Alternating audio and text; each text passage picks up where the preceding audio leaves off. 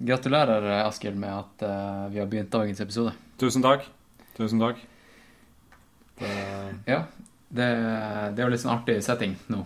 Mm. Nå har vi eh, Nå er det sånn at eh, vi har faktisk en livesending mm. på Patrion. Og det er, det er masse folk som ser på akkurat nå. Ikke sant, seere? Og da Nå kan folk faktisk delta i chatten. Og eh, hvis det er noen som har noen spørsmål underveis, så er vi eh, klar til å svare på alt du lurer på. Mm. Fordi vi er eksperter. Vi kan alt. I alt. I alt. Spesielt ultraløping. Mm. Fjelløping, ultraløping, trening, kosthold, ernæring. Det er i hvert fall interesseområder. Og du mm. er jo, eh, vil jeg si, en Du har jo studert feltet også. Akademisk du kan jo faktisk eh, med hånda på brystet si at du kan greier. Ja, jo, jeg, er jo, mest sånn her anekdotiske beviser. Har lest, eh, jeg har lest bøker, mm. men jeg har ikke en master å vise til. Nei. Hvis du skjønner. Men da skal det også presiseres, og det er alltid sånn jeg syns er viktig, fordi sa at vi kunne alt, men uh, sånn som masteren jeg har skrevet, det er ikke på verken fysiologi eller ernæring. Jeg er på biomekanikk, så det, det, går på noe annet, faktisk. Men jeg har eh, Jeg jobber nå som, som vitenskapelig assistent på eh, snart tre forskjellige prosjekter som går på metabolisme og fysiologi. Ja. Og jeg har hatt mye emner om det. Så jeg kan noe om det, men ikke like dypt som i andre ting. Så eh, hvis det er noen som kan mer enn meg, som sitter på chatten, f.eks., så gjerne arrester meg, men jeg, jeg, ja, tror, eller, jeg, tror jeg skal ha det down. Eller så er det jo lytter som hører på podkasten i etterkant, ja. eh, og som eh, kan mye mer enn en feltet Enn feltet? Eh, om, om, feltet ja. enn oss. Så det er bare å komme med, med hatmelding i etterkant hvis vi er superkontroversielle. Vi setter pris på hatmeldinger. Ja. Fått det før. Fint. Eh, og så skal vi se mm, Vi har vært ute og sprunget nå. Mm. Vi har eh, hva det ble, 600 høydemeter på 11-12 km. Det er ikke dårlig. Det er fint. Vi var innom Linerkollen. Oppe i skianlegget der. Jeg fikk høydeskrekk. Ja. Det var interessant. Fordi de der eh, Når man løper på de Man løper jo på sånn, hva skal jeg kalle det? Gitter? Eller sånn ja, hvor man ser rett igjennom. Gittertrappe, så du kan se rett ned. Ja, ja. ja. Og det er litt sånn paradoks å være fjelløper og ha høydeskrekk. Eller jeg vet ikke om jeg kan kalle meg fjelløper når jeg har høydeskrekk. Men, uh, men det er noe sånn der. Ja. Mm. Uh, så det jeg sa til deg i stad, var at det er, det er, den dummeste måten å starte på en måte en podkast, det er å, å, å, tilbringe masse tid sammen først. Mm. Før man trykker på record. Nå er vi hengt i Når var det vi starta? Når var det du kom? Du kom ut klokka fem. fem. Klokka er jo kvart over åtte nå på mm. kvelden. Mm. Det er ikke optimalt, for nå har vi prata masse. Men jeg synes det var store perioder av turen hvor faktisk holdt kjeft. Ja, det er sant. Jeg måtte jo stoppe deg og si vet du hva, det her tar vi på podkasten. Ja. Så jeg har masse godsaker å prate om eh, som, eh, som, vi bare fikk snakka halvveis om. Jeg håper vi i hvert fall eh, kommer innom litt. Eh, og så, eh, som alle mine lyttere er, er, vant med, så bruker jeg å gi en shout-out i starten av episoden. Og jeg tror jeg bare skal gjøre det nå. Mm. Um, det, eh, det, første jeg vil gi shout-out til, det er jo mine Patrion-supporters. Mine kjære Patrion-supporters. Og uh, dere aner ikke hvor mye jeg går ut og tenker på dere. Helt seriøst i hverdagen min. Jeg tenker hele tida sånn Hvordan kan jeg tilfredsstille mine patrions? Jeg, jeg, bruker kanskje halvparten av dagen min på å tenke på, å tenke på dere. Uh, fordi det er jo helt ufattelig fett at noen uh, har lyst til å støtte noe det alvor med penger, rett og slett. For det er jo det de gjør. Så mye at uh, Ja, totalt sett at det begynner å bli, bli fart på saken her på, på noe det alvor. så jeg vil bare si tusen takk til alle sammen, og så vil jeg si en, en spesiell takk til alle som bidrar med ti dollar eller mer. Um, og da skal jeg lese opp alle sammen. Og det er artig nå, det begynner å bli en del, ikke sant? Jeg teller. Når du, du kan, ja, jeg har ikke telt, men det er jo uh, Det er ikke for mye til at det blir kjedelig for lytteren å høre på. Så ikke skru av lytter, bare fordi jeg sa at uh, det var mange. Det her er jo Det blir bare bedre og bedre for hvert navn, spør du meg. Jeg tror vi kan um, kanskje nå 200 i grensa, for da, da begynner det å bli kjedelig.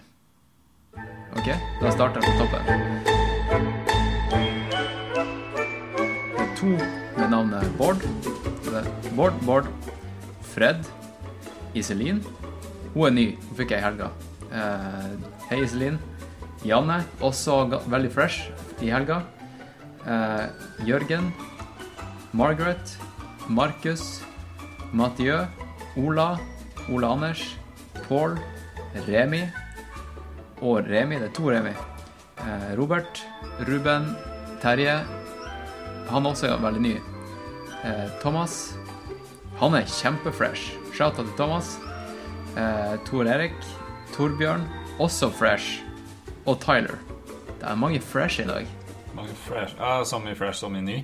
Ja. ja. Som i liksom siden siste episode. Ikke at det lukter godt? det gjør de sikkert også. Nei, vet du hva, de stinker, for de springer sikkert mye i skogen. Jeg kom til 21, jeg. Dæven. Bra. Ja, det er helt ufattelig. Tusen takk, eh, folkens. Det, det er helt rått. Uh, og så, så, har jeg begynt med en ny greie. Det er at um, uh, Det er en tjeneste som gjør at når jeg får en ny Patrion, så, uh, så, så, popper opp en notification på telefonen min. Og så gir den meg fornavnet til, til vedkommende. Eller jeg tror den gir det hele navnet, jeg er ikke helt sikker. Men den sier i hvert fall 'du har fått en ny Patron', og så på 10 dollar. Og så gjør den tjenesten her så jeg kan sende en direkte videobeskjed til vedkommende umiddelbart. Så det har jeg gjort for alle de siste Patrionene eh, i helga, da, etter at jeg oppdaga den tjenesten her. Gitt dem en personlig hilsen. Så eh, jeg håper dere syns at det var dritfett. Patrions. Jeg syns det var dritfett. Kul. Eh, jeg tror, gir, jeg, tror de, jeg tror, de, likte det. Mm. Uh, og så neste jeg vil gi shout-out til, det er jo um, det vi nettopp har spist. Ikke sant? Melbu kaviar. Melbu kaviar. Shout-out til Melbu. Og det var jo en, i uh, første episode med deg, Askild, mm. at, uh, at, jeg snakka om Melbu. Ja. Husker du det? Ja. Og um, da da var det sånn at jeg, jeg, følte at jeg ga dem så mye gratis reklame at jeg bare sendte dem en melding og sa vi må samarbeide. For, jeg, for det første så digger jeg produktet deres, for det andre så fikk dere masse gratis reklame. Eh, la oss gjøre noe sammen. Og det har vi endt opp med å gjøre. Eh, og nå er jeg ganske stuck med dere, Melbu, for nå har jeg nok kaviar til eh, ja, noen ja. måneder noen, noen måneder fram i tid. 13 kilo? 13 kilo. Um, så, så, det jeg tenkte Nå har jeg gitt en ganske god dose til Askild, og så tenkte jeg at jeg skulle gi noe tilbake til lytteren min. Og eh, det, det, jeg tenkte jeg skulle gjøre, da er, Det her er jo kjempekontroverst. Det har jeg tenkt på. Um, det er jo I Norge er vi veldig strenge på det der med å si Hvis du gir en bra review et sted til podkasten, så skal du få uh, masse premier og penger og whatnot, ikke sant? Det er Norge kjempestreng på, for da blir du tatt i en eller annen sånn her uh, reklamelov. Ja. ja. Jeg har ikke oversikt over det. Nei. Så, så, det jeg tenker å gjøre, da, er at um, Hvis uh, du lytter uten Jeg skal ikke oppfordre noen til å gjøre noe som helst, ikke sant? Men der er den beste måten å gjøre det på. Faktisk, eh, bortsett fra Patrion, så er den, den, nest beste måten å støtte podkasten på, det er å gi stjerner i iTunes. Eh, stjerner og en review. Og, eh, fordi da, da, kommer jeg høyere opp på listen, og så er det flere som hører podkasten, og så går eh, altså, Det er sånn det fungerer. Mm. Så hvis du lytter um, er gira på å gi en review, um, så er det bare kjempekult. Mm. Og nå skal ikke jeg virke nå skal, nå skal, jeg ordlegge meg her riktig. Hvis, hvis, hvis det er noe der um, som Ja, den kuleste reviewen da skal få litt meldbuker vi har, tenker jeg. Uh, vi sier det bare sånn. Hvor mye, det, det finner vi ut av. Det blir nok. Nok. Og nok. hvis du bor i Oslo, så får du kjempemasse. Fordi ja. jeg, kan, jeg, kan, ikke betale masse i, i, på grunn av vekta, for det er ganske tungt. Mm. Ok, så da, da, sier vi det bare sånn. Uh, og hvis jeg går over noen grenser her nå med reklame, så er det bare, bare å arrestere meg, så skal vi rette opp i det.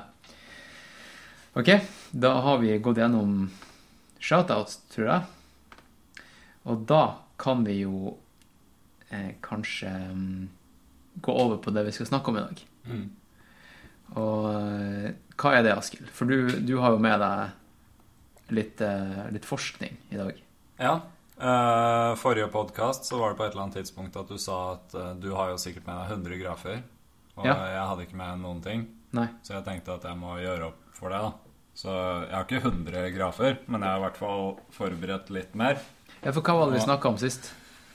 Uh, det var jo alt mulig rart, men jeg, jeg, tror vi kom inn på Det var i starten når du snakka om Vi kan snakke om det du har skrevet master om, og du har sikkert 100 grafer, og så begynte vi med, med noe scene-muskel-interaksjon. Ja. Og, og, så hadde jeg på en måte eh, Altså, jeg, jeg, har jo kunnskapen i hodet, men det, det var ikke så mye forberedt til podkasten. Så det tror jeg også gjorde at, at det gikk eh, At det skjærte ut på mye andre temaer. Da. Ja.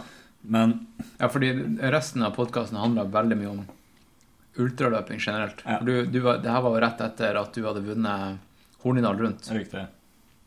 Norges tøffeste mountain race. Mm. Så jeg tror mange var interessert i å høre litt sånn race report mm. eh, og sånt. Og så gikk vi over i det mer i sånn ernæring og, og trening og sånt. Så nå er det positivt at jeg har nesten ikke gjort en dritt den siste måneden. For ja. ingenting Eller egentlig eh,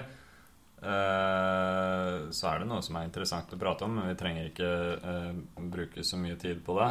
Men derfor så tenkte jeg at vi kan Hvis det er ok for deg, eh, så kan vi holde hverandre litt i skinnet og så prøve når vi først er inne på et tema, da, ja. så kan vi prøve å holde oss litt der. Ja, vi gjør det. Vi gjør det. Nå skal vi være kjempestrenge. Ja. Og så, skal, så, arresterer vi hverandre ja. hvis vi kommer med en avsporing. Vi kan, vi kan ha sånn tegn. Kan vi ikke ha sånn der streng pe Nei, ja, streng pekefinger. Hva skal vi gjøre? Og så kanskje en, en, fist kan være eh, Jeg vet ikke, vi tar det etterpå. Eh, vi kan ta avsporingen sånn, sånn i postshow. Bra. Så okay. da går vi rett på. Da, da sier vi bare de to temaene som jeg har forberedt litt. For ja. jeg sitter i noen forelesninger som jeg syns er litt kjedelige, og da får jeg veldig god tid til å forberede. Og det første temaet det kom jeg på fordi jeg nettopp har skrevet en artikkel for Runners World. Siste Runners World-utgaven. Oh ja, Den er ikke publisert ennå? Den er, blir vel publisert sånn type i dag, tror jeg. Ok, Så eh, dem som følger med live nå, de får litt snacks? Ja. ja. Og det temaet er om rett og slett ernæring og, og mye på eh, proteiner. Okay. Eh, proteininntak. Eh, er det forskjell på forskjellige typer proteiner? Hvor mye burde vi ha i oss? Er det forskjell på type idretter? Hva med ultraløp? Ja. Sånne ting. Ja, Tenker du da på underveis eller etter eh, som recovery, eller hva generelt i kostholdet i livet? Mm, det er et interessant spørsmål. Uh, fordi sånn som artikkelen jeg skrev, og den klassiske taken på det her, går på det du spiser, altså ikke underveis. Uh, men uh, jeg prata litt med, med, en professor oppe på skolen om det her ja. nå for litt siden. Så jeg, jeg, tror vi skal ta litt om uh, Det er det ikke forska veldig mye på, men det her med ultraløp og proteiner underveis, det kan være noen interessante ting i. Det, det, tror jeg også. Ta. I hvert fall for uh, Ja, i hvert fall for, for ultraløpere og dem som, dem som um, springer kanskje litt lengre. Mm. Altså sånn de leng lange, lengre ultraløperne. Ja. ja. Absolutt. Så Ja, hvor starter vi? Ja. Uh, jeg har lyst til å, å starte med et spørsmål til deg. Da. bare sånn for, for, for, å få ut på en måte en litt sånn take på hvem er det vi tror har et behov for å få i seg masse proteiner. Bare, og da, da, vil jeg på en måte sette et bilde i hodet ditt. Hvis du setter På den ene sida så har du en enormt stor bodybuilder mm. med masse, masse muskler. Eh, og muskler er jo mye proteiner i. Ja. Og så på den andre sida så har du typ Jim Walmsley. Som er en, et beinrangel av en ultraløper. Beinrangel har jo nesten ikke muskler på kroppen, men de musklene er jo veldig funksjonelle til det han gjør. Ja, han springer, satt jo rekord på Western States. Nettopp. Ja, han er ja. svingod. Så hvem av de to tror du vil ha et størst behov for eh, proteiner på, i løpet av en dag? Um, for å overleve, eller for å uh, kunne prestere i, i treninga? For å kunne prestere i treninga. Og da overlever du også. Um, ja, siden du stiller det spørsmålet ja. på den måten, så høres det ut som at det er Jim Womsley. Ja. ja. Og det, nå er det jo fordi du, du har eh, sosiale skills, og du kan lese meg ja. også, som gjør at du sier det. Men det er eh, etter all sannsynlighet riktig. Og det er Du hørte det her, folkens, i Nå er det alvor. Ja. Eh, det er faktisk ultraløpere. Det er vi som trenger proteiner. Mm. Det er ikke Det er ikke bodybuildere. Nei. Og det kan være mye andre rare grunner til at de blir så ekstremt store. Vi snakker om drugs, anabole steroider og andre ja. ting. Men det er, en, eh, det er, en, begrensning på hvor langt uh, proteiner kan ta deg i den hensikt. Da. Og grunnen, da den, En sentral grunn for at uh, f.eks. ultraløpere, men generelt utholdenhetsutøvere, trenger mer protein, ja. er rett og slett fordi vi forbruker mer energi. Hvis du tenker deg en økt på to timer løping, kontinuerlig arbeid, og så tenker du deg en bodybuilder som, som uh, suser inn på senteret og løfter vekter i to timer. Han er ikke i aktivitet i to timer. Han løfter, og så må han ha pauser. Lange pauser. Ja, og sjekke Snapchat og, ja, ja. og sånt. Ja. Legge ut alt på Instagram. Ti posts. Ja. Eh, så energiforbruket er mye mindre. Eh, og hånd i hånd med større energiforbruk så betyr det at du bryter ned mer proteiner. Og da trenger du tilførsel av mer for å bygge ting opp igjen. Men, men eh, ja. Hva med, hva med, bare energi generelt, da? Mm. Altså kalorier. Er ikke det Det virker som det er det du snakker om nå, ikke bare proteiner generelt. Akkurat nå ja. så snakker vi om proteiner. Men okay, ja. selvfølgelig vil det her gjelde eh, energi, kalorier, du får i deg også. Ja. Eh, og helt opplagt så vil, vil en ultraløper ha, ha, behov for flere kalorier på en dag enn det en bodybuilder eller en som prøver å bli eh, veldig eksplosiv eller, eller, sterk, eller en sprinter for den saks skyld. De som ikke har lange, lange perioder med innsats. Da. Mm. Um, og, og, jeg tenker at det er litt sånn viktig å få ut, fordi sånn intuitivt, hvis man ser de to bildene da, med en bodybuilder, så tenker man for at musklene skal bli så store, så må man ha en enorm mengde proteiner. Ja. Eh, men, eh, og der er det eh, store menn, at um, som med alle andre næringsstoffer, da, eh, så er det sånn at du kan Hvis, du, hvis vi snakker uh, hvor mye proteiner du har på et måltid, så kan du si jeg kan, jeg kan spise fire store biffer.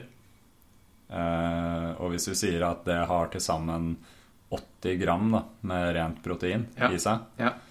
så vil ikke kroppen min klare å nyttiggjøre seg av det til å eh, danne nye muskler og andre vev som består av proteiner, opp til mer enn eh, kanskje 25 gram med proteiner av det jeg spiser. Okay. Så resten av det proteinet det blir enten bare skilt ut i urinen, eller så blir det lagra som fett.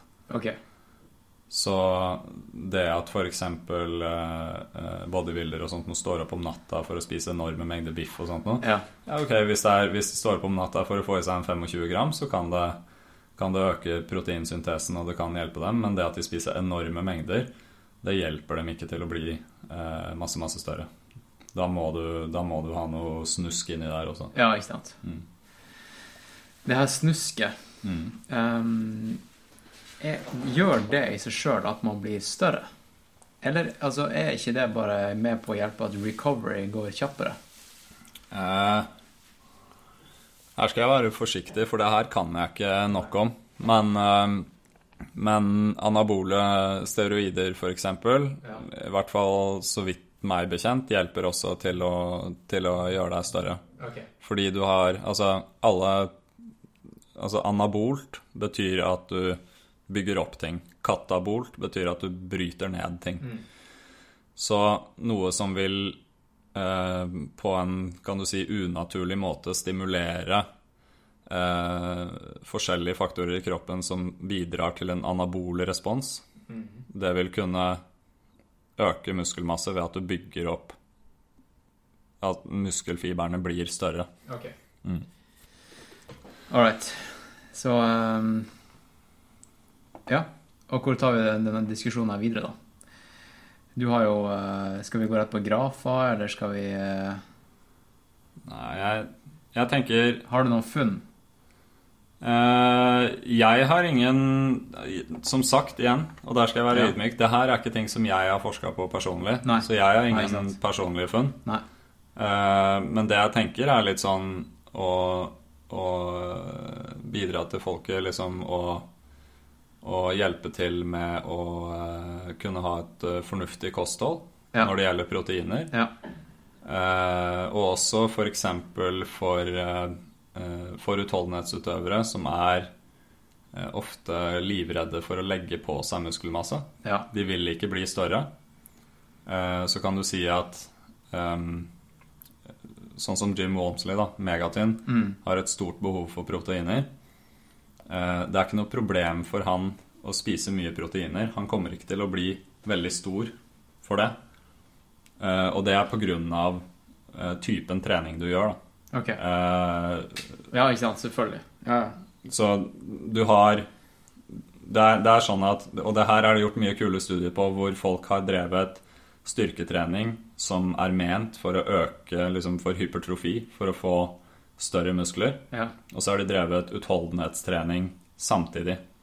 Så har du gjerne hatt i de studiene en gruppe som kun trener styrke, og en som trener styrke og utholdenhet. Og der ser du at de som trener kun styrke, de legger på seg mye mer muskelmasse enn de som gjør begge deler. Hvorfor det, egentlig? Vet du det? Det veit jeg litt om. Ja. For det tror jeg det er veldig interessant for lyttere. Mm. Og det lurer jeg også på, faktisk. Mm. For jeg har alltid hørt at eh, skal du, skal du bli svær, så kan du ikke drive med cardio. Mm. Og det stemmer. Det stemmer? Det stemmer. Altså, du, Eller er det bare typen kardiotrening? du kan si at det kommer mye an på varighet og mengde av det du gjør. Ja. Eh, men kropp Altså igjen tilbake til Jeg tror vi sa det i forrige episode. Det, det som er så fantastisk, er at hvis du løper masse i fjell, Mm. så på, For å si det på en sånn banal måte, så skjønner kroppen at det er det du skal bli god til. Ikke sant? Eh, så den vil ikke legge på seg maskemuskulatur, og det er av flere grunner. Ja, det legger ikke på seg mer enn du trenger? Nei. Nei.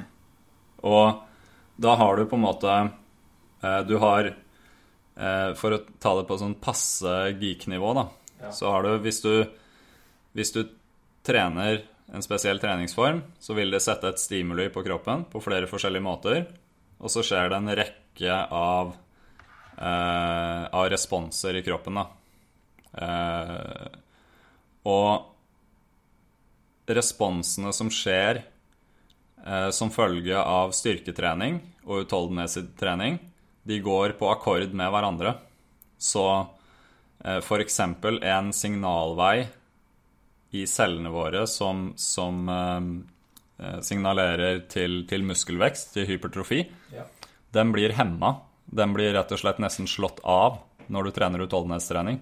Fordi da har du en annen signalvei fra utholdenhetstreningen som hemmer det samme enzymet eller det signalmolekylet som sier at nå skal muskelen bli større.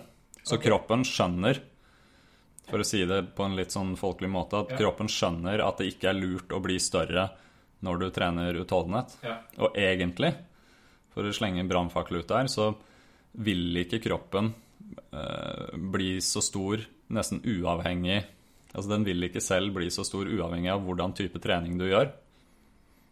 Og hvis jeg kan bare drodle litt videre på Ja. det Fordi hvis du setter i gang med styrketrening, eh, så er det første som vil skje for, at du, for i starten så kommer du til å klare å løfte masse, masse mer kilo, vekter. Ja, altså at eh, kurven for eh, Holdt på å si læringskurven er Ja. ganske bratt. Læringskurven er veldig bratt i starten. Ja. Og i starten Gains, hvis vi skal si eh, på fagspråket. Og det det er kult at du sier det ordet, Ja. fordi gains det bruker jo mye rart, ikke sant? Ja. Eh, og da kan du si gains i form av eh, at du klarer å løfte flere kilo, men du får ingen gains i starten i form av økt muskelmasse. Nei. Fra den første dagen med trening til neste uke, men du kan klare å løfte masse mer allikevel. Ja, ikke sant. Så nummer én som skjer, er at eh, nervebanene dine begynner å fyre mer effektivt. Ja. Så du klarer å aktivere muskelen din, og du lærer deg hvordan du løfter. Da kan du løfte masse mer. Eh, nummer to som skjer, er at eh, proteinstrukturen i musklene dine blir optimalisert til bevegelsen du gjør. Ja. Så du blir sterkere i den muskulaturen du allerede har. Ja. Og så til slutt, når du har tvunget og torturert kroppen din nok med denne styrketreninga, så finner han ut at nå er det ikke mer å gå på. Altså, oh, ja, okay. Nervebanene kan ikke bli mer effektive. Ting kan ikke bli mer optimalt her. Så eneste utvei er å gjøre muskelen større Mm. for å bli sterkere. Så det, det er på en måte litt sånn Det er den siste utveien som kroppen går til for å bli sterkere. Du, du kan på en måte si at den vil ikke, fordi større muskelmasse gjør deg som oftest mindre funksjonell. Ja, så, eh, Hvis jeg kan komme med en teori her, Ja. så krever jo mer muskelmasse også mer energi i hverdagen. Nettopp. Og det betyr at eh, vi som mennesker må ut og hunte litt. Ja. Eh, og jo mindre vi trenger av mat, jo mer overlevelsesdyktig er vi. Ja. Ikke sant? ja. Kjempegodt poeng. Eh, var det det du skulle si? Ja, var rundt det her så var det på en måte det at Det var litt sånn for å summere opp Man trenger ikke bekymre seg for Hvis du trener mye utholdenhet, så er det ikke noe å bekymre seg for hvis du legger til Hvis du har lyst til å legge til to styrketreningsøkter i uka, så trenger du ikke bekymre deg for at du kommer til å bli så masse større. Nei. Fordi utholdenhetstreninga kutter ut det. Og du trenger heller ikke bekymre deg for at hvis du spiser masse protein, så gjør det også at du blir mye større. Det går fint. Ok. Det går fint, Luther. Det er bare å ta det med ro. Du kan, eh, du kan spise Du kan ta det proteinpulveret ditt. Ja, Nei da, det kan vi også diskutere. ja det kan vi også. Skal vi gjøre det med en gang, eller? Ja, hvorfor ikke? Ja. Fordi det har jo vært Det er jo litt sånn i vinden også, proteiner. Fordi det har vært på det her programmet som heter Folkeopplysningen. Har du sett det? Yep. Så du det, det, akkurat det programmet? Yep.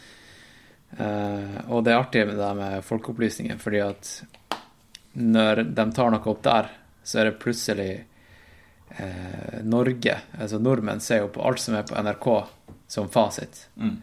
Og det er fett da at et sånn type program faktisk er ganske konstruktivt og, eh, og, og jeg vil si gir, eh, gir, gir fakta. Mm. Eh, og jo, hva var det de egentlig snakka om sist? Det var jo kosttilskudd. Trenger Og, man og trenger man tilskudd av proteiner? Mm. Og i så fall, hvilken type proteiner skal man ta til seg? Mm. Um, og det var vel egentlig kom det vel egentlig ganske godt frem der at eh, nei, du, skal, du klarer det helt fint med vanlig mat. Mm.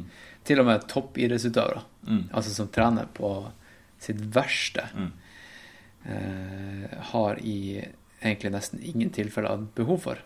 Nei, de, altså, så lenge de klarer å få i seg et normalt kosthold, så er det ingen som har behov for det. Nei. Noen gang. Men hvilken type folk er det som ikke får i seg et normalt kosthold? Altså sånn her, eh, Hvis du er en toppidrettsutøver, da. eh, Altså det er jo på en måte Jobben din er å få i deg Ja. riktige greier. Ja. eh, Og trene og hvile. Det er liksom de tre tingene. Og prestere i, i, i race, da. Men det, ja, og det er, det er jo mye av argumentet som mange bruker, er jo det der at de, de ikke liker å spise rett etter trening, f.eks. ja, Så da er det lettere å få i seg en shake og sånne ting. ja. Men eh, sånn for å være helt ærlig, så klarer du, du klarer å trykke i deg et par brødskiver med skinke hvis du vet at det er smart, selv om det ikke, du ikke er supersulten.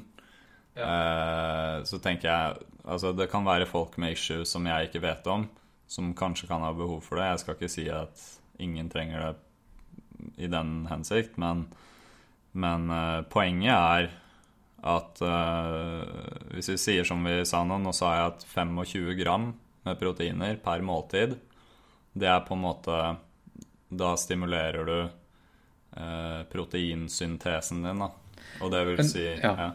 Men da må vi nesten lage et bilde til lytteren her. Hva er 25 gram i proteiner? Ja. Ikke sant? Fordi eh, det er veldig enkelt å, å, å veie det i, eh, i, pulver fra proteinfabrikken. Mm. Men ja, nå skal jeg ta Mikrofonen står på bordet her nå. Skal vi ta og Så tastinga Nå skal Askild eh, taste litt på Google litt, tenker jeg. Eller så tar han notater. Hvem vet.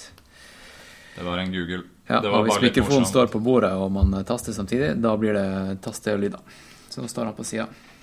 Smart. Eh, poenget var eh, Eller det var bare litt morsomt, siden vi har jo spist en eh, ganske bra mengde med egg. Ja. Eh, og egg er jo en, eh, en, veldig fin kilde til proteiner av flere årsaker. Ja, ah, det er en komplett kilde. Ja. ja. Det er, det er, gode proteiner, og du får ganske mye proteiner i. Hva, hva, er gode proteiner? Stopp meg hvis jeg avsporer. Nei, det gjorde du ikke. Ja. Men kan, vi må ha et nytt tegn, for vi hadde ett tegn for hvis vi skulle stoppe hverandre. Men vi må ha et tegn for det her er perfekt å ta bare om to minutter. Ja, ok. Etter jeg har sagt det. Så, ja, okay. Så det er helt nydelig. Kanskje du bare kan si det. Vi snakker litt om det. Ja, nå ja. sa jeg ja. eh, det vi snakka om nå, var eh, var et eksempel på et måltid med 25 gram proteiner. Ja. Så bare for å gi et eksempel Vi har spist masse egg nå. Proteininnholdet i et ca. normalt egg, det er 13 gram. Ja. ja. Så hvis du sier at du Og det er proteiner i Melbu kaviar, som vi, vi spiste nå også. Ja. Så hvis du Sånn som nå når jeg hvis du spiser to brødskiver, og du har ett egg på hver brødskive, ja. så er det nok proteiner i et måltid. Da har du bare i egga så har du da 26 gram med proteiner, som vil være ganske optimalt. Og så er det litt i brødet.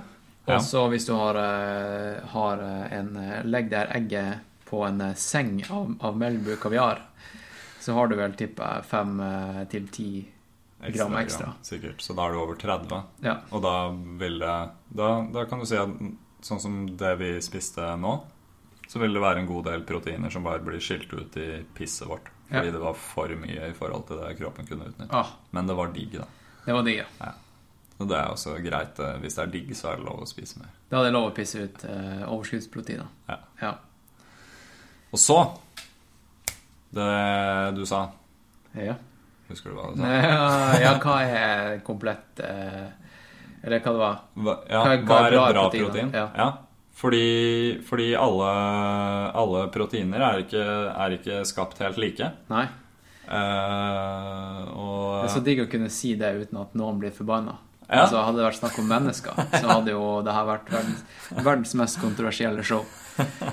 Men uh, ja. Bare gi meg, gi meg ett uh, sekund her. For ja, for vi skal det, over på aminosyre, sant?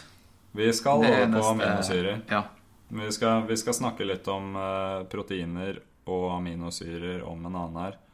Eh, bare la meg få, bare få opp den artikkelen jeg skrev for det bladet nå, for der eh, fikk jeg med en tabell over typiske matvarer vi spiser, og proteinkvalitet. Ja. For proteinkvalitet, det er en ting. Eh, så vi kan ta det først, da. Ja. Bare si fra hvis du, skal, hvis du trenger litt sånn tid til å google ting og sånt. Ja. Så kan jeg ta noen vitser eller standup-rutine. Jeg kan ta min standard standup-rutine imens. Perfekt. Kan ikke du prøve den nå, bare Nei, nei, nei. Hvis nei. du hadde det der, så ja. Jeg skal gjøre det klart. Ok. Eh, eh, proteinkvalitet. Eh, det måles per i dag så måles det eh, på bakgrunn av fire forskjellige faktorer. Okay. Eh, og den første er På engelsk så kaller du det protein efficiency ratio. Okay. Eh, kan kalle det proteineffektivitetsratio på norsk. Ja. Eh, og det måles ved å undersøke hvor mye vektøkning i muskelmasse man får per gram protein du konsumerer. Okay. Så det er en måte å si ok, hvor anabolt er det her? Altså hvor mye økning i muskelmasse, hvor mye blir bygd opp? Ja. Eh, faktor to, det er, kaller du biologisk verdi. Og det er et mål på hvor mye av proteinet som blir konsumert, som faktisk blir igjen i kroppen. Eh, og fordi proteiner inneholder nitrogen Alle proteiner inneholder en sånn nitrogengruppe, så måler vi det ved å eh, sjekke hvor mye nitrogen vi tar til oss via eh, proteinet vi spiser, og hvor mye nitrogen som går ut i pisset. Ja. Eh, nummer tre netto proteinutnyttelse. Det er et mål på hvor mye av proteinet som blir igjen i kroppen, som faktisk nyttiggjøres til å bygge opp nye strukturer. For det er forskjell på ett protein. Kan kanskje, bare for slenge ut, det her er ikke ekte tall, men si at halvparten blir brukt Ja. eh, til å bygge opp nye strukturer. Eh, mens et annet så er det kanskje 90 okay. Og vi vil at det skal være, for at det skal være så effektivt som mulig, så vil vi at så mye som mulig skal bidra. Ja. Og den siste Nå har jeg ikke ordet for alle bokstavene i den forkortelsen her, men det heter PDCAAS. Og det er et mål på kroppens behov for essensielle aminosyrer. Det er de aminosyrene som vi ikke klarer å produsere selv. Det som vi må få inn via kosten. Sant? Ja. Og hvor effektivt de essensielle aminosyrene fordøyes av den aktuelle uh, tingen vi spiser. Da. ja. Så alle de tinga her uh, går med på å bestemme kvaliteten til proteinet. Så vi, vi vil at, uh, vi vil at proteinet skal bygge opp nye ting. Vi vil at det skal fordøyes relativt lett. Og at så stor prosentandel av det proteinet vi konsumerer, brukes til å bygge opp nye ting. Ja. Ok, jeg håper du tok eh, notater, lytter. Da Ja. skal vi følge opp Det gjorde ikke jeg. Jeg må gå tilbake og høre, høre podkasten på nytt igjen. Skal vi, nå har jeg den tabellen oppe da, med litt sånn forskjellige matvarer og Ja, det er kjempebra. Da kan vi gi noen eksempler til lytteren. Mm. Ja. For det er jo uh, Ok, nå tar jeg bønner da, Bønner, ja. som et eksempel. Ja. Eh, det er jo en vanlig erstatning for vegetarianere og veganere for, som en proteinkilde. Jeg tenkte også vi skulle snakke litt om eh, veganere og vegetarianere. Ja. Eh, men ja, bønner Nå er det lov å dra på med sidespor hvis du vil. Ja. Nei, jeg har jo Jeg bruker jo Jeg spiser jo veldig lite kjøtt. Ja. Eh, nå hadde jeg Nå spiste jeg faktisk litt fenalår Ja. til, til måltid her. Mm. Eh, jeg spiser fisk og Melbu Eh, og, og Var egg. det reklametrynet. Og egg. ja. Eh, det er mine primære proteinkilder, vil jeg si. Uh, Og din redning, så å si, er jo um, fisk og egg ja, der. det vil jeg si. Mm. Ja. Fordi uh, Det, det er derfor jeg, jeg gir ikke slipp på i hvert fall egget. mm, Uh, for det vet jeg er komplett med aminosyrer. mm, Og det er liksom Det er en sånn helgardering i hverdagen. Får Mm. jeg, får jeg et par egg, så er jeg liksom sikra. mm. Og det er, for å gi en fun fact der, og det, det er på en måte Det er veldig kult å se at på en måte den informasjonen kommer ut til, til folket. At egg er en, en bra proteinkilde. Ja. Fordi egg har tradisjonelt sett blitt brukt som gullstandarden for den ene faktoren som vi sa her, som er biologisk verdi. Så egg er satt til 100 altså en, en nær perfekt biologisk verdi. Da. Ikke sant? Så det var ikke tull det Eh. han Rocky drev med. Andre var han drakk sånne seks egg, rå egg på, rappen, på rappen før han uh, sprang seg en tur på morgenen. sant? Ja, det er godt, altså. Det, uh, eksempel, da. Det jeg bruker egg til på morgenen, det Ja. er jo Jeg bruker å koke meg grøt. Så tar jeg grøten til sides, og så uh, knuser jeg Heter det klekkeegg? Det, det, det er jo Høna klekker jo. Nei, hva heter det? Jo, klekk... Nei. Høna legger egg, og Ja. så klekkes det når den liksom Breakes Breaking open. free, Ja. Ok, men hva, hva gjør jeg når jeg liksom knuser et egg? Uh, Heller egget. Kakker, kanskje? Jeg, jeg har i hvert fall rått egg oppi grøten, og så visper jeg det her kjapt inn, så det ikke blir liksom scrambled. Ja. Eh, og så får grøten en sånn her eh, kremete, ufattelig nice konsistens. Oi, Det er bare dritgodt. det har jeg ikke prøvd. Eh, det anbefales. Ja. Det har jeg faktisk eh, en video av på Patrion som jeg har lagt ut som en oppskrift. Jeg tror jeg kalte det eggegrøt. Mm. Det er bare, Hvis du er medlem av Patrion, bare scroll tilbake i tid eh, nedover feeden, så finner du du Kanskje du kan filtrere på eh, Jeg tror det er en tag som heter 'oppskrifter' eller noe sånt. Da er den der. Så hvis du lurer på hvordan det her ser ut, så er det eggegrøt. Uh, ja. Og det, det støt, eggegrøt det støttes veldig I hvert fall fra mitt ståsted. Det, ja, for da får du Ja, det er komplett måltid, spør du meg. Ja. Spiste jeg senest i morges. Ja. Det er greit. Uh, skal vi se her, da. ja, for det var et eh, sidespor. Hvor, ja, ja. hvor var vi?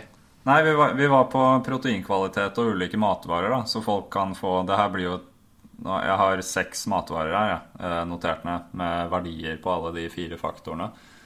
Eh, eh, så da bare sier jeg verdiene til bønner, og så forklarer jeg litt etter det. Ja. Så vi har vanlige bønner. Da har du en sånn effektivitetsratio på 1,4. Okay. Du har en biologisk verdi på 49. Du har en netto utnyttelse på 39. Og du har en sånn PDCAA på 0,68. Ok, Så hvordan av de her tallene vi virkelig skal pay attention to? Egentlig alle fire, men, men, ja, men biologisk er... verdi og netto utnyttelse og egentlig PDCAA er alle veldig viktige. Ok, men eh, hvis vi skal gå gjennom tabellen her og, og, lese opp alle sammen, da blir det for mye for lytteren. Ja, I hvert fall hvis lytteren er ute og springer på en sti. Ja. Da kommer de til å gjøre sånn som han Thomas eh, Stordalen, som eh, sendte meg en melding og sa at eh, da han hørte på en av podkastene, så levde han seg så mye inn i podkasten at han eh, sprang seg vill. Og jeg vet ikke om han trynte på stien eller noe sånt, men han ble i hvert fall helt fortumla. Men det er en bra ting. Løpe seg vill er alltid Jeg ja. føler det er en bra ting. Det blir langtur. Ja. ok. Eh, men, men hvis... da tror jeg løsninga blir at vi tar Altså, jeg tenkte Jeg har sagt de verdiene for bønner, bare si litt om hva ja, det betyr det. i forhold til én annen matvare. Ja, det klarer perfekt, vi. Perfekt. Eh, så den effektivitetsratioen, der er det en verdi på, som er satt på 2,7, som regnes som alt som er over det, er en veldig god effektivitetsratio. Da klarer du å utnytte av proteinet. Okay. Bønner har 1,4, så det er ikke en veldig bra effektivitet. Okay. Eh, biologiske verdien er på 49. Eh, egg var gullstandarden på 100, ja. så der har halvparten av den biologiske verdien, så det er ikke okay. veldig bra på det heller. Netto utnyttelse er ganske intuitivt å forstå. Du kan tenke på det som, som uh, prosent, sånn som jeg har skjønt det i hvert fall. Der må noen gjerne arrestere meg. Der er det på 39 på bønner, ja. mens på egg så er det på 94. Så det vil si at du nyttiggjør deg mer av proteiner fra egg enn det du gjør fra bønner. Ja. Det vi ikke må glemme her, da, er jo at uh, de her forskjellige matvarene har jo andre egenskaper også. Nå snakker mm. vi kun om protein. Det er riktig. De, alle de her matvarene her har jo masse Eh, vitaminer og mineraler. Som eh, Et egg er jo ikke det Nå, nå sier vi det komplette proteinmatvaren, eh, mm. ikke komplette matvaren. Mm. Ja. Så om jeg er ganske bra på mange andre ting også. Men det er bra du... La oss bare ta og si det også, da. Ja, men det, det er bra du presiserer. Ja. For det, det, er litt sånn man har en tendens til, liksom, både innenfor liksom, man driver forskning og sånt, og så skal det være veldig snevert. Man, når man snakker om én ting, så snakker man om én ting. Så ja. det, det, er fint så ikke, ikke, Hvis det står mellom eh, egg og bønner, eh, ikke velg egg bare fordi at det er bedre på protein. Ta og Ta og tenk på, Kanskje det er lurt å få i seg litt av begge deler. Ja, Kanskje hvis det står mellom Kanskje det ikke står mellom begge to. Kanskje ja. du kan ha begge i samme måltid. Ja, hvis du vil, så kan du det. er veldig vanlig i Sør-Amerika å ha egg og bønner i samme Og litt ris, kanskje. Ja, det er fint. Ja, der har du det. Men hvis, der, der, skal jeg slenge ut at hvis det står mellom å spise kun bønner resten av livet eller kun egg resten av livet, ja. spis egg. Ja. Eh, det er en mer komplett matvare også. Med mindre du er allergisk. Ja. ja. ja. Eh, så jeg, jeg, tror oppsummert her er at Og det, det er litt sånn uh, Jeg vet jo at det fins mye vegetarianere og veganere i ultramiljøet. Ja. Eh, og, og, og, det er på en måte Jeg personlig så har jeg all respekt for det valget, og spesielt når for mange har gjort det valget på bakgrunn av klimaspørsmål. Ja, klima eller etikk. Eller og etikk. dyrebehandling. Ja. ja og det er, jo, det er jo mer derfor jeg tar avstand fra kjøtt. Spesielt ja. sånn her masseprodusert uh, kjøtt. Ja. er jo hvordan de dyrene blir behandla. Mm. Det er jo disgusting. Bare det gjør at jeg, smaken på kjøttet det bare blir helt jævlig. Man får ikke lyst til å spise det. Mm. For bare tanken på hvordan mm. de blir behandla. Eh, klimaspørsmålet det, du, det, er en annen diskusjon, ja. tenker jeg. Der, ja, hvis, du, hvis, du, flyr, hvis du har tatt én flytur hele livet ditt, så mm. kansellerer du jo hele veganerlivsstilen din. egentlig. Ja.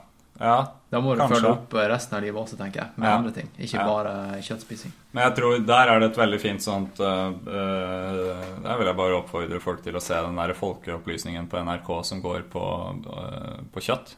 Hvor Ja, de her kjendisene slakter sitt eget lam og sånt noe. Fordi der har han et uh, veldig sånn intuitivt Han putter fram kjøtt og sier hvor mye uh, Hvor mye næringsstoffer er det dette dyret må få?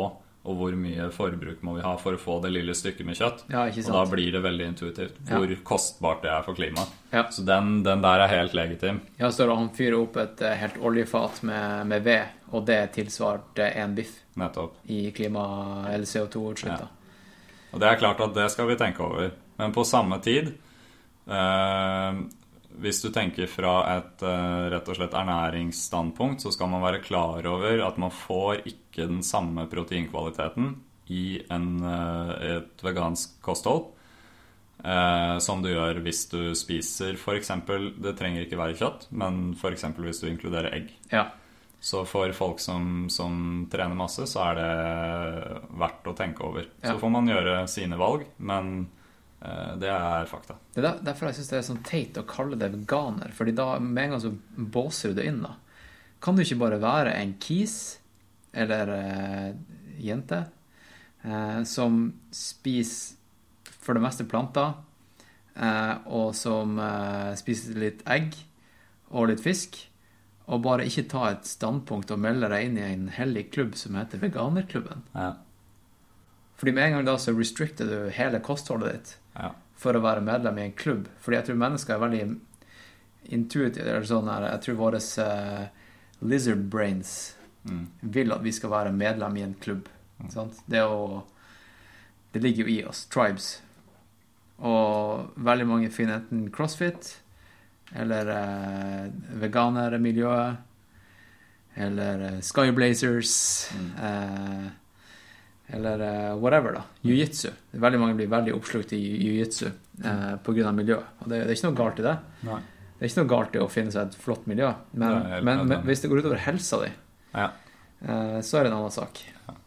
Og du som Ja, det er verdt å tenke et par Stikke fingeren i jorda og tenke et par ganger gjennom hva, hva er grunnen til at jeg har valgt den typen livsstil her. Ja. Og så hvis man kommer ut på andre sida og kommer med noen gode grunner som gjør at man føler seg bedre, eh, så er det kjempefint, men ta pass på helsa i samme sleng. Ja. Det er lurt. Det er jo noen som eh, er veldig villig til å ofre helsa for de her, de her eh, store spørsmålene som Mm. klima og, og dyrevelferd og sånt. Og det eh, sånn som han Tim Sheef som var på podkasten. Ok? Han, ja. eh, han fasta jo i 35 dager, eksempel. Og han er også Nå er, nå er han vel eh, raw vegan. Mm. Ja, altså han koker ikke eller steker ikke mat. Det er ikke Tim fra Skyblaze? Nei, nei, nei, nei, det er en, eh, en anarkis. Ja. Eh, nei. Så Og han, han var veldig på med det med at ja, det kan godt være at det ikke er optimalt, fordi han er også en av verdens beste freerunners, parkourutøvere. Ja. Har vært profesjonell i mange år og sånt. Eh, han, han visste at det var ikke optimalt for, eh, for idretten, men han, han tok den risikoen. da, da, hvis du gjør det, lytter, så i hvert fall være klar over det. Sant? Han startet også et klesmerke som var bare i bomull. eh, og var liksom ment for, eh, for idrettsutøvere. Og han visste at bomull var ikke optimalt når du svetta, men det var det beste for miljøet. Ja. Så der er det også et kompromiss, ikke sant? Ja. Også lang avsporing. Hvor var det, hva var det jeg egentlig snakka om? Jeg- jeg- Proteiner er jo på en måte eh, røde tråden her. Ja, ja. ja. Uh, jeg tror Vi egentlig egg. Egentlig mm, vi kan uh, Vi kan egentlig oppsummere ganske greit nå som vi har vært gjennom det her. At uh, eh, nummer én utholdenhetsutøvere, ultraløpere, trenger vel så mye proteiner som de som driver med styrkeidretter. Nummer to proteiner er forskjellige. Egg er bra. Du har eh, Melk er fantastisk bra. Er det det? Ja, det er eh, helt nydelig. Eh, vi kan snakke litt om det. Hvorfor melk er ja, så kan vi ikke gjøre det? Fordi ja. det er også litt kontroversielt. Ja. Og så skal jeg ta ut noe jeg kjøpte her om dagen som er Jeg, jeg orker ikke å si leverandøren av det. Mm. Um, ja, vi, lytteren kommer sikkert til å skjønne det. Er det Melbu kaviar? Nei, nei, nei. ja, det, det, er et korrupt, stort selskap. Korrupt, stort selskap. Så kan du bare fortsette å smalltalke ja, litt. Ja, jeg kan smalltalke litt om melk, ja. ja. Uh, for den andre tingen som jeg glemte å Ja, se der, ja. En sånn styrk. Det er litt med sånn ekstra proteiner. Vil du ha litt? Ja, absolutt. Her er det vel 1,4 gram proteiner mer per 100 gram enn i vanlig melk. Det er ja. ikke dumt. Eh, da skal jeg Eh, ta opp um, det jeg nevnte til deg i stad, Askild. Det der med ASMR som du ikke hadde hørt om. Ja. Det her eh, Skal vi se, jeg skal se det opp og, og se hva det sto for en. ASMR. Eh, det står for Autonomous Sensory Meridian Response. Og det er jo blitt veldig kjent på, eller populært på, på YouTube. Jeg hørte forresten shata til Ingrid fra Stirsdag. Eh, stirsdag som er den ukentlige fellestreninga til løpecrewet vårt Skyblazers. Um, hun, hadde, hun sa til meg at hun hadde brukt ei hel helg på ASMR. Hun hadde funnet det her på YouTube og blitt helt oppslukt i det fenomenet. Det var knitrelyder? Det, det er jo rett og slett bare Ja, nå skal jeg vise deg, for nå, nå, nå sitter jeg med en eh, superbra mikrofon. ja, nå tok han Askild opp en Snickers foran mikrofonen. Eh, men eh, hvis du har en bra mikrofon, og så klarer du å plukke opp små nyanser til uh, f.eks. Eh, plastikknitring, eller, eller Det er mange damer som driver og hvisker, og eh, Nå kommer jeg ikke på noen sånne bra eksempler. Eh, gnissing. Smålyder, da. Gnissing? Det hørtes ubehagelig Jeg skal dra opp et eksempel her. Skal vi ja. få opp Skal vi se Intense ASMR sounds. Good evening. Thank you for joining me for this interesting mic testing video. I just received these new microphones. Oh, they're creepy. I'm so excited because I've been looking for new microphones. Ja. Ikke sant? Dere skjønner poenget. Eh, og um, ja, nå skal jeg prøve litt ASMR her jeg skal helle denne eh, melka oppi glasset. Og så kan du lytter eh, bedømme om det her eh, gir deg noen frysninger på ryggen, eller at det, du får ståpels på, på, på armen. OK. Uh, det her er en syrna melk. Jeg skjønner ikke hvorfor den er fettfri. Fat-free, det er jo bare jeg, jeg, vil gjerne ha så mye fett som overhodet mulig. Um, inneholder søtstoffer rik på vitamin K2, kalsium og vitamin D. Ok, here we go. Kan de som ser på livesendinga her, se hva jeg driver med. Så kan jeg si til dem at uh, dem som ser på live, dem, uh, de har en annen mikrofon som er litt dårligere enn den som faktisk uh, plukker opp podkast-recordinga. Så det blir ikke det samme effekten på, på livesendinga. Én, to, tre.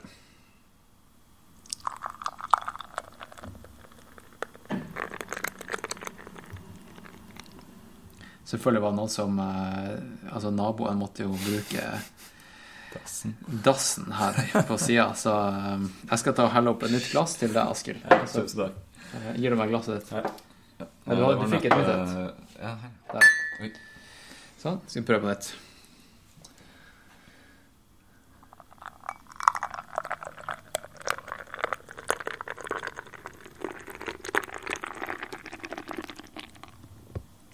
Jeg syns det var digg. Det der var, det der var tilfredsstillende, altså. Ja. Det her har en smak av blåbær. Kan du gi en liten, et terningkast, da? Skal jeg gi et terningkast? Mm. Seks. Melk. Jeg gir melk terningkast seks. Ok, hvorfor det? Ja. Grunnen til det er at um, nummer én så har det uh, Nå ser jeg på verdiene til melk her. Det har veldig gode verdier i form av proteinkvalitet. Det er én ting. Og så eh, er det sånn at melk det består av 80% ca. av det er et protein som vi kaller for kasein. Og så består det av jeg må ha mer med en gang. Altså, det her var dritgodt. Shout-out til Tine og Styrk. Nå sier jeg det rett ut. Det her var dritgodt. Ja, uh, ja. ok, gå, gå an. Uh, det er 80% med et protein som heter kasein, og så er det 20% av um, det som vi kaller for myseprotein, eller det som også heter whey. Ja. Og da tenker folk med en gang på proteinpulver. Ja, tenker jeg. fordi det er de store bokstavene på de store dunkene, så står det whey. Whey. whey. ja, ja, du kan si det på den måten. Det har kanskje blitt mer salt. Whey. Men uh, det som er litt kult med det, er at kasein og whey de har veldig begge gode egenskaper, uh, men på litt forskjellig måte. Og veldig mange har jo hørt om, om f.eks. ulike kilder til sukker og karbohydrat, og hvordan det kan være raske eller treige karbohydrater. Ja. At det blir tatt opp raskere eller langsommere. Og da er det sånn at eh, kasein, det skilles ut eh, Altså det, det øker proteinsyntesen din veldig, veldig langsomt, men det er veldig langvarig. Så den øker proteinsyntesen din over lang tid, men ikke sånn ekstremt med en gang. Det har jeg hørt at mange bodybuildere tar før de legger seg, for da kan liksom proteinsyntesen gå over hele Altså mens du sover. Ja. ja. Det, det, er sikkert et uh, poeng. Jeg har aldri ja. tenkt på det på den måten. Men, men Way på den andre sida blir da noe som virker mye, mye raskere. Som, som spiker mye fortere. Uh, og det er en veldig fin kombinasjon, fordi det du vil, er jo at proteinsyntesen din skal være høy egentlig hele dagen. Sånn at du kan, du kan uh, bygge opp uh, ikke bare muskulatur som består av proteiner. Må huske på at f.eks. alle enzymer består av proteiner. Mitokondriene, som er kjempeviktige for, for utholdenhetsutøvere, består av proteiner. Røde blodceller, hemoglobin, består av det. Så alt det her vil vi skal bygges opp i løpet av hele dagen. Og hvis du da tar en kombinasjon av noe som, som virker raskt, og noe som virker lenge, så komplementerer det hverandre veldig bra. Og så er det siste poenget, og det er at eh, whey, da, eller myseprotein, det inneholder veldig mye av en aminosyre som heter lausin. Ja. Det er jo Den har jeg hørt mye om. Du har det? Ja. ja. Fortell meg hva du har Nei, hørt om. Uh, det er vel egentlig det. Er den essensiell? Ja. ja. Eh, det, det, eneste jeg har hørt, er at det vil du ha mye av. Ja. ja. Det vil du Og igjen så er det liksom Det er ikke noe poeng i å ha evig mye av det, men det er lurt å få det i seg i ålreite mengder. Ja. Og litt av grunnen til det er at den har en sånn dobbel funksjon. Den er jo med på bare i kraft av at den er en byggestein til et protein, så, så, er den med på å bygge opp eh, nye proteinstrukturer i kroppen. Men den fungerer også som et sånt eh, signalmolekyl for eh, sånne anabole prosesser. Okay. Så den, den, den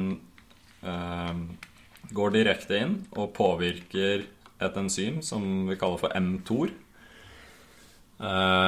som signaliserer videre at her eh, vil vi ha eh, muskeloppbygging, da.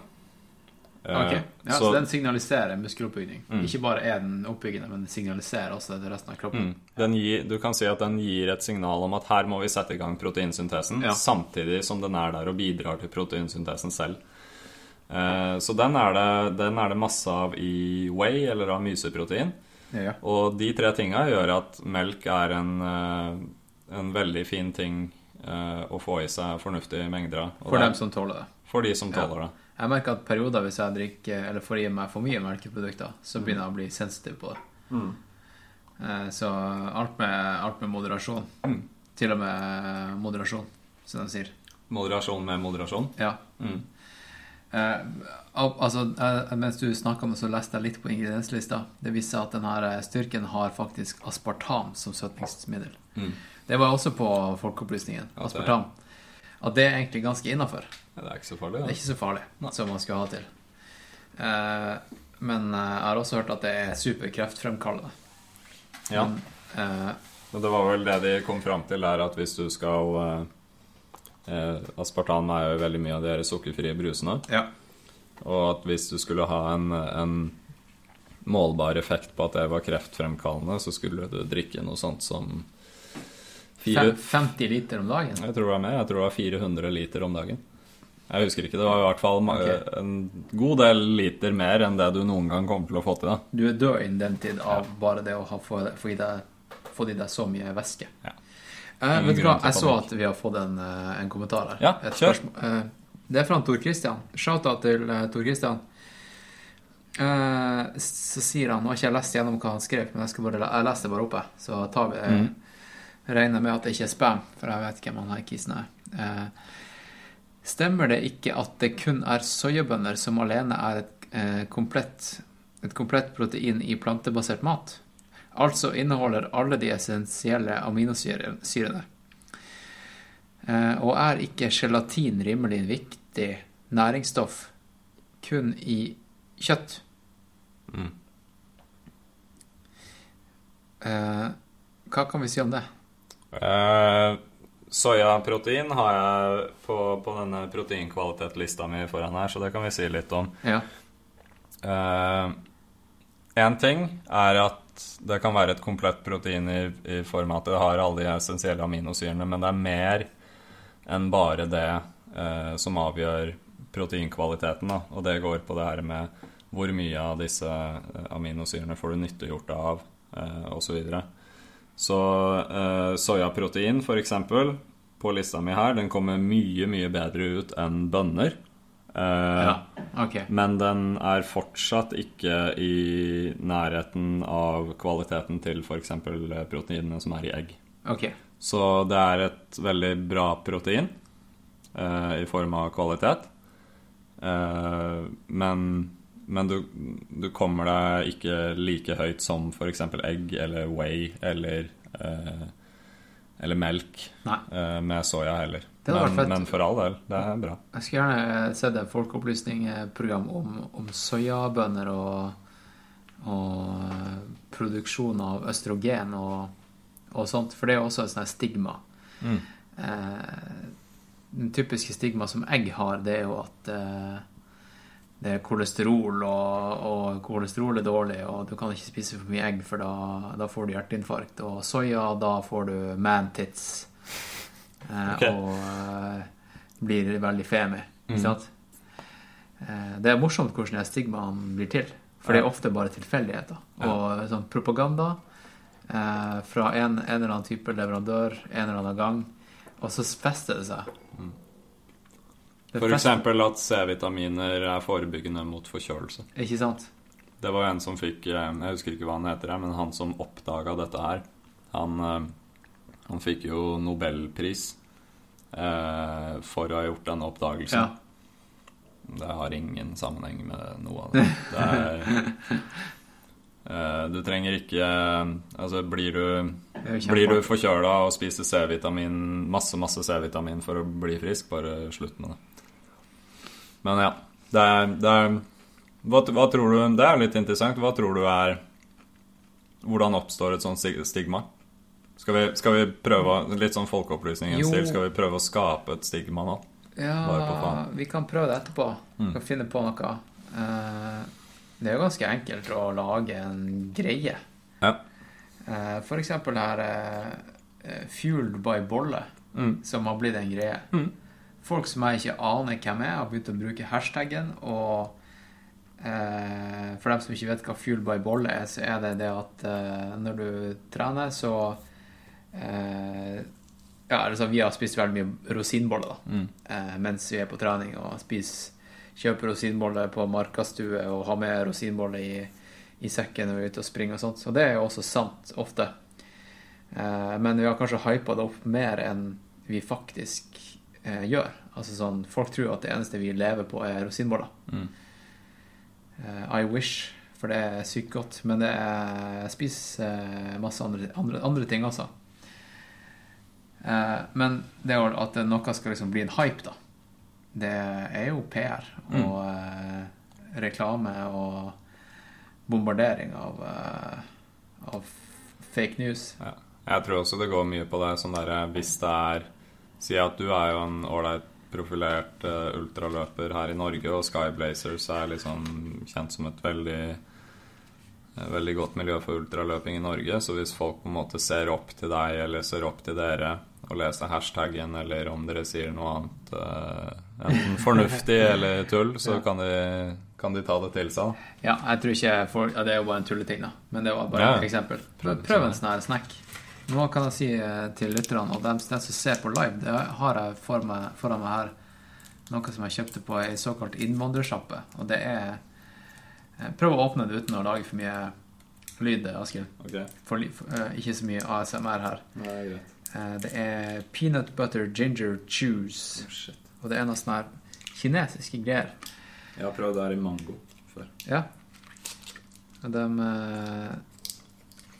Man vet jo aldri hva som egentlig er i de her. her. Skal vi se hva som er på eh, ingredienslista her. Hvis det står på engelsk. Det står jo bare masse kinesiske tegn. Um, ja, nutritional facts. Det er faktisk eh, per 100 eh, gram, da. Jeg vet ikke hvor mye det er i én sånn her. Sånn her preserving. Ok, preserving. 0,3 gram protein. Ja. Mm. Nå må du ikke ha den der rett med mikrofonen. Eh, og så er det 0,5 gram fett. Og så er det eh, Det er mye karbohydrater her, for de er søte. ikke sant? Det er mye sukker. 5,3 gram. Mm. Og så er det litt, eh, litt, salt. Product of Indonesia. OK. Jeg skal, jeg skal gi den en, en shot. Kan jeg ta den til? Ja, ja, ta, ta, så mye du vil, du. Bare ta og åpne den under bordet, så slipper jeg å gjøre så mye post production. Lydrensing. Hvordan er det du åpner den? Det var kjempevanskelig. Bruk tenna. Ginger juice. All right. Var den god, eller? Den var kjempegod. Ja. Jeg likte den der peanut butter-greiene. Peanøttsmør er noe av det beste jeg vet. Altså. Mm. Skal jeg bare si siste ting om uh, proteinkjøret? Ja, ja, kjør på. Aller, aller, siste ting så er jeg egentlig done med der, hvis ikke folk har spørsmål. Og den, den siste tingen den gikk på at uh, Nå har vi sagt at um, vi kan si 20, 25 gram per måltid er en god standard, eller så kan du regne på 0,3 gram protein per kilo kroppsvekt per måltid. Okay. Er, en, er en, en, fin målestokk på, på, hvor mye som er lurt å få ut per måltid. Hvis du er idrettsutøver? Hvis du er eh, ultraløper? Ja, hvis, hvis, hvis, du er idrettsutøver. Ja. Men, men, kan man ikke si ultraløper, for da føler de som hører på nå, hvis de er ultraløpere. Ja, ok, vi sier idrettsutøver, men mm. Jeg tror alle som satt hjemme og så på Folkeopplysningen, f.eks., var sånn her Men hva med meg, da? Ja. Jeg driver med ultraløping. Hvor mye trenger jeg? Jeg er ikke bare en vanlig idrettsutøver. Og i den kategorien det er bra. Idrettsutøver, ja. Mm. Fordi du er ultraidrettsutøver, og fortsatt så trenger du ikke mer enn 25 gram eller 0,3 per kilo Per måltid. Per måltid. Og eh, da hvis du spiser ti måltid om dagen Og det var poenget mitt. Ja. Hvor mange måltider spiser du om dagen, og spiller det noen rolle? Ja. For det gjør det. Og det er kanskje den tingen som er mest glemt oppi der. Um, at, si at um, uh, Si at du, du, trenger 150 gram proteiner da, ja. på en dag. Eh, så kan du jo fordele det her utover dagen på, på, forskjellige måter. Du kan spise halvparten av det til frokost, og så gå hele dagen uten å spise, og så kan du spise middag. Ja, ikke sant? Og får du jo i deg. Ja, det gjør det. Men problemet med det er at denne proteinsyntesen vår, den, hvis det går så mange timer mellom hvert måltid, så er den proteinsyntesen, altså når du bygger opp, den er veldig høy i noen timer etter måltidet. Og så rekker den å gå ned og på en måte gå i hvilemodus. Ja. Så da går det mange, mange timer uten at du bygger opp gode saker i kroppen din før du får mat igjen. Så en sånn Jeg har sagt at en sånn god tommelfingerregel, eller egentlig bare ta proteinbehovet ditt på én dag, og så dele det på, på 25, f.eks., som er det som er lurt å få i seg per måltid, så vil du få et tall. Og det vil som regel bli et sted mellom fem og seks. Og det betyr egentlig at fem til seks måltider da, ja. i løpet av en dag, jevnt fordelt utover dagen, ja. med um, fornuftig mengde proteiner av god kvalitet, Eh, det vil gi deg en mye større effekt enn om du spiser det kun til frokost og så til middag eller kvelds. For da slipper du de der slumre periodene mellom. Da holder du deg der oppe hele dagen. Ja. Det var siste poeng. Men noe vi glemte, vi, vi, nevnte det jo i introen, var liksom proteiner underveis også i, i, i et løp. Mm. Det har vi ikke snakka om. Mm. Eh, skal vi snakke litt om det? Jo, så vel. Ja, mm. eh, siden vi i hvert fall eh, tipper det er mange hundre tusen lyttere der ute som tenkte eh, Shit, begynner de å runde av, og vi har ikke engang snakka om det vi, vi sa vi skulle snakke om. Mm. Ja, da må vi gjøre det. Da syns jeg vi burde gjøre det. Mm. Så uh, for deg som var på vei til å klikke her nå, lytter mm. uh, Vi har ikke glemt det. Vi har ikke glemt det. Nei. Ok, la oss snakke om det. Prøve å si noe det? Ja. Jeg leste en artikkel om det her bare for fire dager siden fordi vi pensa oss litt inn på det på podkasten, og det er blitt droddelige rundt på nettet. Og greia er at det, det, her er studert og, og undersøkt, og den beste artikkelen som jeg fant, den konkluderer med at protein under trening kan hjelpe til med å fremme adaptive responser, men ikke øke prestasjon. Ok. Men eh, Eller si først det det sier, er at å spise proteiner under aktivitet øker også proteinsyntesen på samme måte som hvis du gjør det før eller etter aktivitet. Ja. Så det samme skjer. Men det de har gjort her, er at de har undersøkt eh, De har undersøkt løping, men de har også undersøkt sykkel og en del andre ting. Men de har ikke holdt på mer enn to timer med aktiviteten. Og... Eh, ja, og da, da, da, kommer vi igjen litt til Det var vi inne på i forrige podkast også, at det her med muskelødeleggelse er en ekstremt stor del av det som bestemmer prestasjonen din i ultraløp. Ja. Ja. Så jeg kan ikke si noe, noe, konkluderende på om det er lurt å ta til seg masse protein underveis i et, i et, langt løp her. Men det går an å tenke seg til at hvis du driver med løping som er high impact, og du har fjell og du løper nedover som bryter ned ja. proteinstrukturen i musklene veldig, så kan det tenke seg at å ta til seg en fornuftig mengde protein vil være med på å både bremse ødeleggelsene og eventuelt kunne bygge opp noe, sånn at eh, det ikke blir like kaos i muskelen underveis. Ikke sant. Og i hvert fall så, eh, så vil det fremme recovery ja. raskere, ja. tipper jeg. da Selv om du kanskje ikke får eh, Du får kanskje starta recovery tidligere, men jeg tror ikke du vil klare å recovere underveis. Og, og, bygge underveis, og så få en eh, ny boost underveis fordi at du har fått mer gains. Det hadde vært rått som om du liksom står på startstreken ja. igjen halvveis. Det, ja. det skjer ikke. Nei. Men, uh, men det kan hende. Jeg, jeg, tror at uh, at det har noe for seg. Og der, fun fact, når jeg var med på Trans Gran Canaria ja. i vinter, som var 125 km ja. Eller 130 for meg, fordi jeg løp litt feil. det er det lengste jeg har vært med på. Og det er første gang under et løp hvor jeg kom til en matstasjon Uh, og jeg hadde jo kun tenkt å ta til meg sukker og gels og sånt nå, ja. for det er liksom det som sto i hodet mitt. Men så var det på et bord der Så var det en papptallerken med noen chorizo-pølser. Og så var jeg så lei av gels og tenkte jeg får teste hvordan det er å ta en bit av det her. Ja. Og jeg blei så overraska over hvordan det Jeg bare slukte den første biten. Og til slutt så var det der chorizo-fatet Det var jo tomt. Det var ingenting igjen til det andre. Jeg fikk jo dårlig samvittighet. Men det var og jeg, jeg, har litt tro på det at hvis noe kjennes utrolig digg, da, ja. så er det ofte en grunn til det. Ja. Og det kan hende at er, eh, kroppen vil ha det. Den trenger det. Ja. Mm. Det er jo to skoler der. Det er jo eh, Jeg har også hørt at eh, Ja, det her er jo sært tilfelle da du var midt i et 130 km langt race, men i hverdagen, da. Ja. Det du craver, mm. er jo ofte irrasjonelt også. Det er ikke bare rasjonelt. Mm. At at det man craver, det trenger man. Mm. Det vet jo alle, at uh, sofagriser som craver potetgull, uh, trenger jo ikke potet, potetgull. Uh, men det er jo ofte sånn at din, din gut microbiome, de er tilpasser seg også det du spiser. Så hvis du har en periode der du spiser mye godteri, f.eks., så tilpasser jo alt nedi magen sin seg det du vanligvis spiser, og forventer å få mer av det. det du spiser til vanlig. Og det har vist seg ny Jeg kan ikke referere til noe forskning og papirer, da, men eh, det der med måten bakteriene i tarmene eh, Hvordan de snakker med hjernen, har direkte kontakt med hjernen, mm. og kan sende signaler til hjernen og si 'Jeg har lyst på sukker'. Og så eh, forteller jo hjernen deg, som er deg, du er jo hjernen din, mm. Eh, at du trenger sukker. Mm.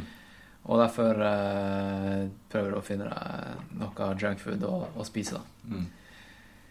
Eh, ikke fordi du trenger det, men fordi at eh, bakteriene i magen din har lyst på det. Mm. Og, ja, det er kjempespennende. Det er Jeg kan ikke noe om det. Men det Nei, er det er veldig, veldig tidlig i forskning og sånt. Men uh, det er ikke noe tvil om at det er en direkte connection mellom hjerne og mage. Nei. Altså Tenk deg i et race, f.eks., på startstreken. Det er jo en grunn til at noen driter på seg mm. på racedagen eh, kontra hvis de, hvis de, skulle sprunget samme distanse, bare i trening. Mm. Det er en grunn til at du pisser på deg. På start, tenker du? Ja, eh, ja, altså Eller på skal, du, har du en eh, ja. teaterperformance, eller skal du holde en, eh, en tale eller noe sånt der, så reagerer jo kroppen med å drite på deg. Ja, ja. Løs mage og sånt, det er kjempevanlig. Okay. Ja, ja, nå begynner vi å bli sånn her litt sånn borderline bro science fordi vi ikke kan referere til noe solid forskning, og da er det mange som kommer til å arrestere oss. Men det er greit. Det er fett. Men det er greit. Det har jeg vært inne på flere jeg... episoder. Ja, men det er helt greit. Det her er jo ikke noe Altså, du, du blir jo ikke stilt til noe krav om at det skal refereres til ting. Det er jo eh, Jeg syns det er fint når jeg på en måte først har forberedt noe, men men for all del. Det her er jo ting som blir oppe til diskusjon. Ja, ja. Det, er jo, det er jo spennende. Det, det jeg digger med podkasten her, er jo at uh, når noen har hørt den, så kommer de til meg og, og sier Hei, du, du, sa feil der og der og der. Og for eksempel, uh, det var en episode der jeg gjorde Hva det var? Det var et par episoder siden. Det var UTMB-spesialepisoden med Patrick. Mm. Og da ga vi masse shoutouts til folk som gjorde det bra i race. Og også ikke bare i UTMB, men sånn generelt. Eh, den helga. Og så glemte vi å nevne noen. Eh, og så fikk jeg streng beskjed om at det, det var fy-fy. Du må ta med Du må ta med alle i Norge som gjorde det bra den ja. helga. Ja. Eh, og plutselig var man på en måte blitt det organet som gir shoutouts til alle som gjør det, gjør det bra i race. Ja. Og Ja, sorry, folkens. Jeg kan ikke inkludere alle. Nei. Forrige gang eh, etter VM-episoden fra, fra, Glencoe så kom jeg på at jeg glemte å gi til hun Henriette Albon, kona til han John Albon, eh, som ble femte, femte kvinne eh, på, på det racet på, i, i, VM. Og det glemte jeg å si, så nå er det sagt. Det er jo drit, dritbra. Det er dødsbra. Ja. De folka der er jo rå, da. Jeg har aldri, jeg har aldri løpt mot han her um, album før. Jeg har lyst til å oppleve å løpe mot han. Ja, han er en, eh, en klasse en uh, egen klasse. Ja, det tror jeg på. Og han kommer fra hinderløp, gjør han ikke? Han, han driver med hinderløping. Han, driver med hinderløping. han er jo egentlig en, eh, en hinderløper. Ja. Eh, og så begynte han vel med skyrunning for et par-tre år siden, og så bare begynte han å dominere. Ja. Og han, han uh, har jo vunnet uh, Han vinner jo alt som er å hindre. Alt han stiller opp på, vinner han. Ja, er sterk. Han dominerer. Uh, ja. Skal, jeg har et par ting jeg vil bare ta opp. Mm. Og det var jo Det er noe som jeg fikk noen kommentarer på etter sist siste episode, der jeg nevnte det her med å woofe. Det her snakka vi om litt på, på, på løpeturen i stad, Askild. Mm. Og woofing eh, Det kom jo Altså det verbet å woofe. Okay. Det hadde jeg aldri hørt om før jeg fikk tilbakemelding fra forrige episode. Det kommer av det her eh, WWOOF, altså Worldwide Organic Nei, Organic Farm oh, Hva var det det sto for igjen? Eh, nå skal jeg google det. Uh, uh. Woof. Uh, kan de ikke bare si hva det, hva det står? Det st nå står det Ja, uansett. Uh, greia er da at det er organic farms rundt omkring i verden som, eh, som tilbyr at du kan komme dit, til deres gård. Litt sånn som Airbnb. Altså kan du, eh, du finner deg en gård et sted i verden som du har lyst til å dra til, og jobbe på gratis. Mot at eh, du bor der og spiser gratis, ikke sant? Mm. Det er en tjenesteutveksling for at du skal få en opplevelse og jobbe på gård og få en litt sånn ekstra kulturell opplevelse. Eh, Det nevnte jeg i siste episode, og jeg sa hva, hva med om jeg tar med meg mikken, og så drar jeg og woofer et sted, kanskje i høyfjellet et sted. Kanskje Etiopia, kanskje i Nepal et sted. eh, Kanskje jeg drar tilbake til Peru, Andesfjellene. Eh, Hvis jeg drar, drar en måned og prøver å få trent litt i høyden, sprunget på et spektakulært sted og tar med meg mikken og lager en podkast om det, om det. Så Hadde ikke det vært eh, dritfett? Jeg syns det høres dødskult ut. Er Veldig gutsy. Mm. Eh, og nå er jo saken eh, den at jeg er jo Man kan jo kalle det privilegert. Og det er jo eh, det, jeg, jeg vil si det fordi at jeg, er- jeg er enslig. Eh, jeg har ingen strings attached til noe. Og noen, jeg har en jobb, selvfølgelig. Mm. Eh, men det kan man få permisjon for og, og sånt. Og økonomisk så har jeg sånn at jeg kan klare meg på sparepenger litt. I hvert fall, i hvert fall til en, en sånn type tur. Jeg kan leie ut leilighet. Eh, så jeg kan Det er ikke sikkert at jeg klarer å gå i null akkurat på det her, men eh, nesten. Man kan ta, ta seg råd til sånne ekspedisjoner. Og det er ikke alle som kan det. Nei. Eh, Så det har vært dritkult å få det til, da. Eh, I hvert fall mens man er i den type livssituasjon som jeg er i akkurat nå. Så jeg tror jeg skal gjøre det. Gjør det. Jeg tror jeg skal gjøre det i, eh, i vinter en eller annen gang. Kommer litt an på hvilken race jeg bestemmer meg for å fokusere på neste år, for jeg må planlegge det litt. Men tenker du å legge opp det her som For det snakka vi jo litt om på løpeturen. Du veit ikke hvor mye arbeid det blir på den gården, og hvor mye trening det blir. Nei, for det blir gambling. du- Ja, for du tenker at den perioden skal da være et eh, viktig ledd i oppkjøringa til Nei, en spesifikk Nei, det skal det ikke være det. Nei, okay. Det skal være langt ute. Nettopp, Det skal nettopp. være sånn at worst case så får jeg ikke løpt én meter. Ja. Og jeg skal være helt OK med det. ja. Eh, Da men da skal jeg i hvert fall få hogd litt ved ja. og brukt kroppen. Det fett. Og herja med kroppen i en måned i høyden. Ja. Uh, worst case får jeg ikke løpt noe. Men jeg får jo løpt, det vet jeg jo. Ja. Det vet jeg jo. Eh, og det var mange som trigga på den tanken her, som jeg lufta sist.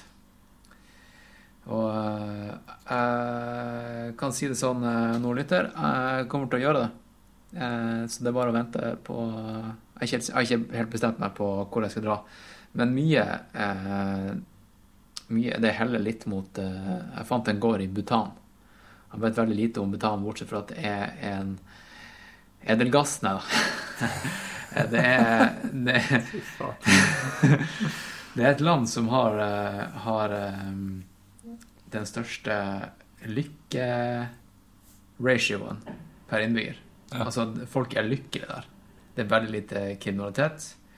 Eh, Det er et land som det står veldig bra til med. Og så er det heftige fjell høyt over havet. Jeg tror den gården var på ca. 2002, og det er jo nøyaktig der. Eh, Det er jo sweet spoten for høydetrening. Mm. Da jeg var i Etiopia i vinter, så var det på 2007. Litt i det høyeste laget. Mm. I hvert fall for å bare kunne komme dit og trene umiddelbart. Mm. Så 2002, det er optimalt. Uh, ja, Det høres dødskult ut. let's do it. Det er bare skap deg selv en situasjon sånn som du sa, hvor det ikke blir et enormt tap i forhold til konkurranser og sånt nå. At det blir sånn enten så blir det win, eller så blir det i null. Ja, måte. ikke sant? Ja.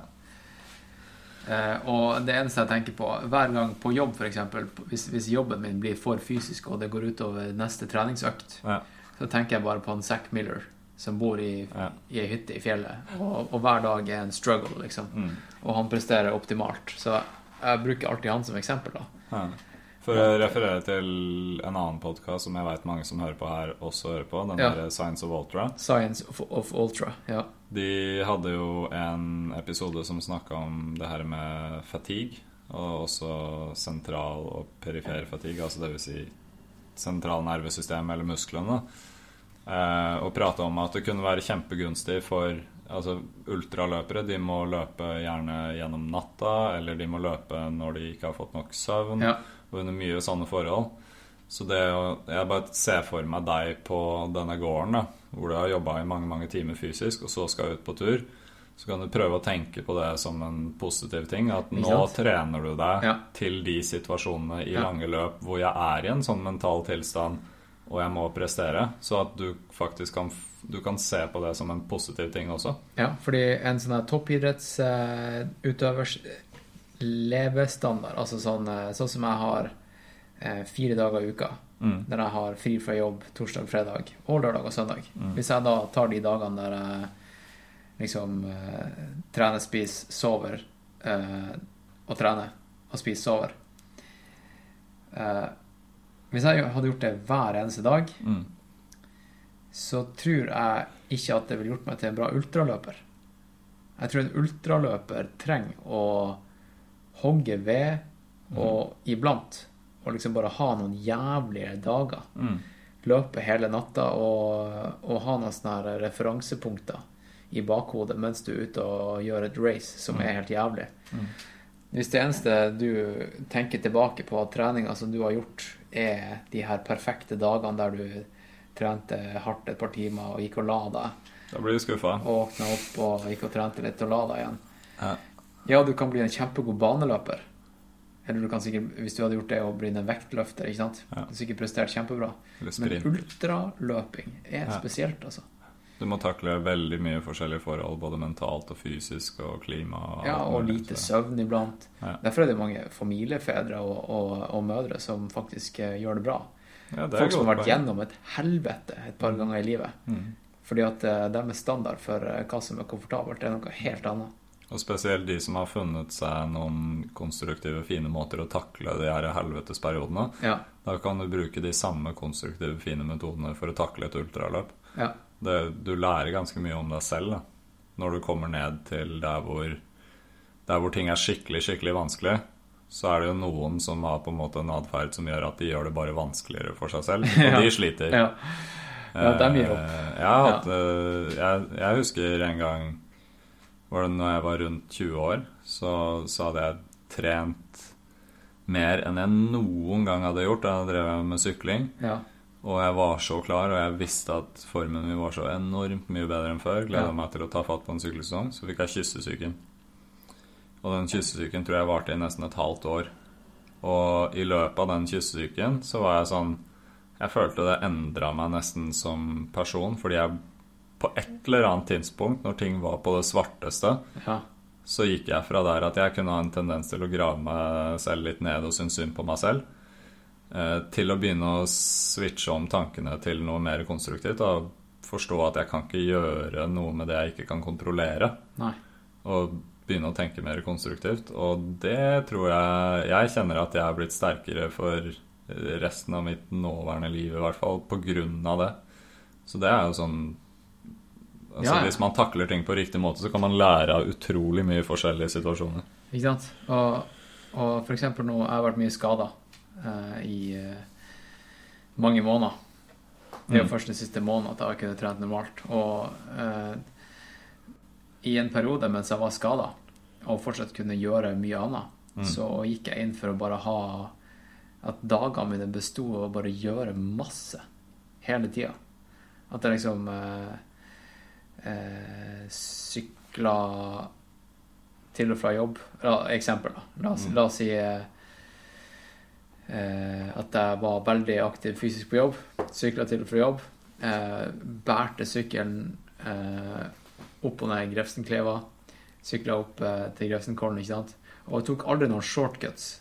Bare, alt, gjorde alltid det vanskeligste i hverdagen. Aldri gjorde liksom de lette tingene. Sånn som vanlige folk tar trappen istedenfor heisen. ikke sant? Mm. Gjøre litt jævlige ting iblant. Mm henter litt inspirasjon fra han der David Goggins, hvis du har sett, hørt om han. Mm. Det kan jo folk Det er sikkert noen eh, lyttere som har hørt om David Goggins, og han, han, sa, han sa, på, på det var, Jeg husker ikke hvilket intervju det var, men han sa 'gjør noe jævlig hver eneste dag'. Mm. Det trenger ikke være så stor ting. Bare gjør noe jævlig hver eneste dag. Så det var det siste ordet. Gjør noe jævlig hver eneste dag. Hvis du har lyst. Ja. Eller nei, kanskje ikke det er måten å si det på. Nei, men uh, Askild, har du noe mer du Har du noe mer på hjertet? Uh, jeg tror ikke sånn faglig relatert. Jeg kom på én ting som jeg ikke har sagt til deg. Ja. Som jeg bare hadde lyst til å slenge ut der fordi jeg er veldig glad for det. Ja. Og det er at jeg og dama har kjøpt leilighet på Grefsen. Oi! Hei. Så nå kommer jeg nærmere Nærmere kjernen. Både, nå kom jeg nærmere kjernen, ja. og vi får eh, ganske kul utsikt. Og det blir kortere til stirsdag, så det er, det er jeg happy for. Jeg sa til eh, en eh, på stirsdag i går at Disen og Kjelsås, det er Oi. Det er hjertet av trailrunning-scener i Norge akkurat nå. Det er det nå. Det er sweet spoten. Så du er Midt i smørøyet, Askild. Ja. Velkommen. Nydelig. Tusen takk. Apropos tirsdag. Det var jo sprengt i går også. Det var det? Det var, det var, det var helt eh, drøyt hvor mange som var der. Jeg tror forrige gang Gangen for deg var det 38. Jeg vet ikke om det var like mange denne gangen. Men uh, det var så mange at vi delte oss i tre grupper. Det var Stirsdag Classic, som er en vanlig runde på 12 km. Og så var det Stirsdag Extreme. Mm. Og til og med Stirsdag Extreme delte seg i to. Mm. Er dem som ville ta det ekstra extreme. Sprang bare gønna på. Mm. Og ja. Nå Fikk jeg lyst til å lufte en ting. For når, ja. når, du sier at det deler dere, og så kommer jeg på extreme og, og de tinga der Og dere, dere, har jo stirsdag fast hver ja. uke. Men når jeg tenker når det er så bra oppslutning, så tenkte jeg to ting. Uh, hadde det vært uh, kult med en dag til i uka? Og en dag hvor det er fokus på eh, litt mer intensive greier. Som har, kan gjøres på en måte tanken. som inkluderer alle. Vi har tenkt tanken. Og eh, problemet er å finne noe som har like god klang som stirsdag. Altså noe, Det må ha et catchy navn. Og da var tanken å kanskje gjøre det til en sånn intervalldag som er torsdag, og kalle det for storsdag. Storsdag. Hva med VO-torsdag? Oi! Ja Hvis folk vet hva det er. Ja. Storsdag? Ja. ja. Kanskje. Eh, vi må i hvert fall finne et ordentlig konsept på det. da. Eh, og da, ja, da kunne man tatt det ordentlig, ordentlig som en fellestrening ja. eh, og gjort noe mer eh, ordentlig på det. da. Ja. Men det får vi ta off mic, tenker jeg. Eh, du er jo også trener, Askild. Ja, litt sånn som meg, men du gjør mer organiserte ting. Jeg er jo mer coach på én til én, altså én. Jeg driver og utforsker uh, uh, Altså via, via, mitt eget foretak, Høy terskel, så, så, driver jeg og utforsker hva jeg kan bruke det her til. Så jeg, jeg, nå, for eksempel, så skal jeg begynne å trene en, en uh, jeg kjenner én til én og legge planer frem mot Ecotrail eh, neste år. Det gleder jeg meg veldig til. Dødskult. Ja. Så, så, jeg driver og tester ulike ting, og, og ja. hvordan eh, Prøve å skape litt sånn vinn-vinn-situasjoner hvor det blir en, eh, en, god jobb for meg, og at folk får det de vil ha. Ja. Så hvis dere Hvis dere det, Altså, jeg kunne delt på et type ansvar for å organisere en uh, storsdag eller en VO-torsdag, jeg. Ja. Ja, nei, Men det kan vi ta off mic. Det, kan vi ta ja. off mic. Ja. Uh, og hvis folk uh, er gira på å ha enten meg eller Askild som trener, og altså sånn én-til-én skreddersydd opplegg mm. og sånt, så det er bare å ta kontakt. Jeg har i hvert fall litt info om det jeg Ja, egentlig veldig lite om det jeg driver med, med coaching på, på min Patrion-side, for det, du kan signe opp der. Uh, ta der papiret ditt unna mikrofonen. Så det er bare, bare ta, ta og send meg en uh, e-post eller noe sånt. Mm. Jeg er jo på Instagram på at Hanserino. Uh, blant annet. Og hvordan finner deg, Askild? Du kan finne meg på Instagram at Askild, Askild med det, uh, Vatnbakk. Jeg tar og linker til, til ja, her i shownotes. Og så har jeg også oppretta en uh, Instagram-konto for, for, foretaket mitt som heter Høy terskel, så da blir det at hoi terskel. All right. Mm. Da lar vi den her Patrion-livestreamen kjøre litt mens vi uh, pakker sammen og sånt. Mm. Og så uh, avslutter vi den offisielle podkasten her, tenker jeg. Boom! Eh, det har vært en ære å ha deg på besøk igjen, Eskil. Det har vært en ære å være Og så er det bare å Folkens, bare kom med masse proteintilbakemeldinger. Mm. Har, det er masse vi ikke har snakka om proteiner. Kjør på. vi vil høre alt. All right? Da vet du hva vi sier. Eh, eh, over og ut. Ja. Og så var det ikke Roger og Knut lenger. Det var på Instagram så var det Rogersen og Knutsen, eller noe? Ja, Rogersen og Knutesen. Men eh, eh, vi sier over og ut, eh, Roger og Knut. All right? Ha det bra. Ha det bra. Boom.